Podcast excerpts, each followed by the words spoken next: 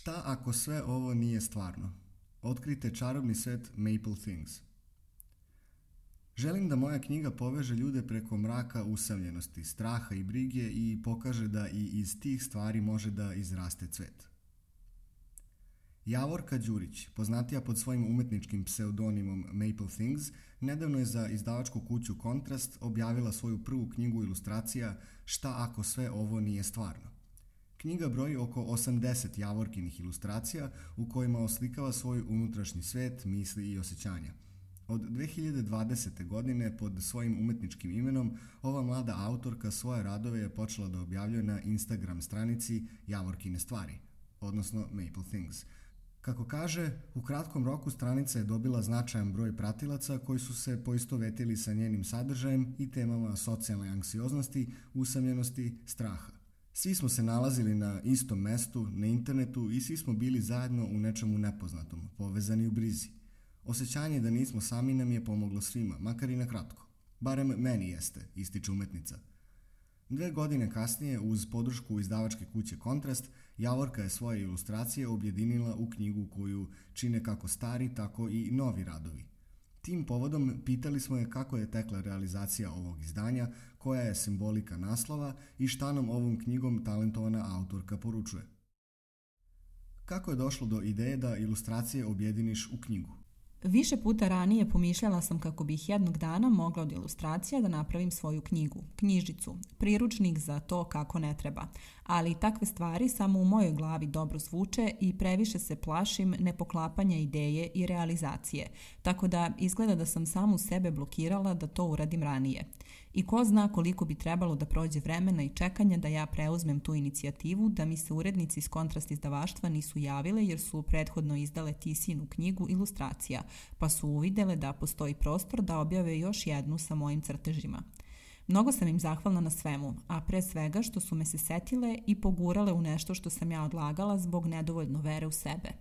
I sada, kada je gotovo, i dalje se plašim i nadam se da sam to dobro ili barem prihvatljivo odradila. Postoji li neki koncept po kom su ilustracije raspoređene u knjizi? Gledala sam dugo svoje ilustracije, iako ih sve znam na pamet i deo su mene. I popisivala ih i povezivala i pravila tematske celine koje su se meni učinile kao najlogičnije i zapravo su to teme kojima se najviše bavim. Možda kada ljudi budu prolazili kroz knjigu, pomisle kako neke ilustracije ne pripadaju određenoj celini koju sam ja odredila, ali sam ih ja smeštala prema osjećaju iz kog znam da su nastale. Tematskih celina je devet, a neke od njih su detinstvo, anksioznost, odnos sa partnerom, nada. Ima i novih ilustracija, a pored svake se nalazi i misao koja je prati – Htela sam da ilustracije idu hronološki i uzročno-posledično, da u prvom delu dam kontekst i poreklo svega, a onda da se kroz knjigu vidi uticaj toga na moj život i odnose sa ljudima, ali da na kraju ipak prikažem svetlo i svoje razloge u korist života. Kako je došlo do saradnje sa kontrastom? Sarađivala sam ranije sa kontrastom, crtala sam korice za njihovu knjigu Palestina i ta saradnja i komunikacija mi je ostala u dragom sećanju kao vrlo pozitivna stvar.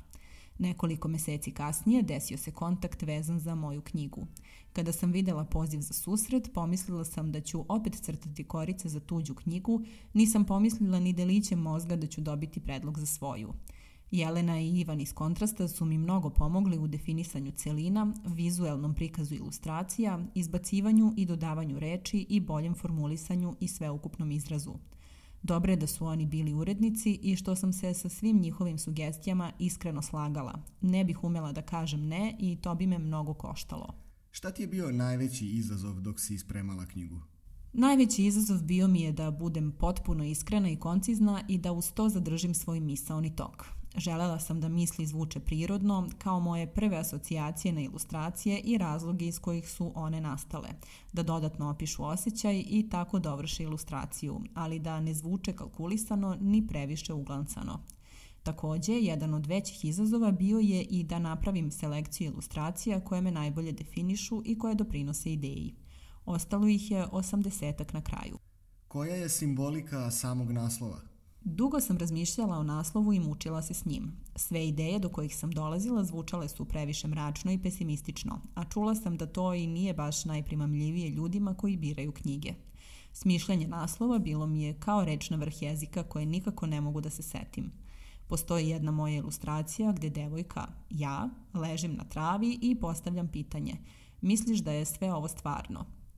I ona i to pitanje mi uvek daju neku utehu i slobodu u razmišljanju, šansu da je sve iluzija i da strah i briga nisu stvarni, da je moj život nečiji glupavi san, da neko sve izmišlja, da neko mene izmišlja.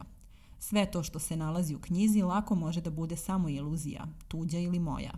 Nažalost ili na sreću, često se ispostavi da je sve i stvarnije nego što mislimo. Šta je ono što želiš da osete svi oni koji budu gledali tvoju knjigu? Volela bih da osete moju iskrenost i nameru, da prolazeći kroz knjigu prođu kroz moju i našu zajedničku težinu postojanja, da probaju da razumeju i saosećaju i da pronađu u njoj utehu i snagu i shvate koliko je nje potrebno da bismo nastavljali da se budimo. Mnogo je razloga protiv življenja, ali ima dosta i sreće, podrške, nežnosti i sladoleda – Želim da moja knjiga poveže ljude preko mraka usamljenosti, straha i brige i pokaže da i iz tih stvari može da izraste cvet. Autorka teksta Marija Todorović. Tekst čitali Ivan Radisavljević i Snežana Katunac. Tekst je dostupan na sajtu Oblakodara u rubrici Salon. Tekst je podržan od strane European Endowment for Democracy.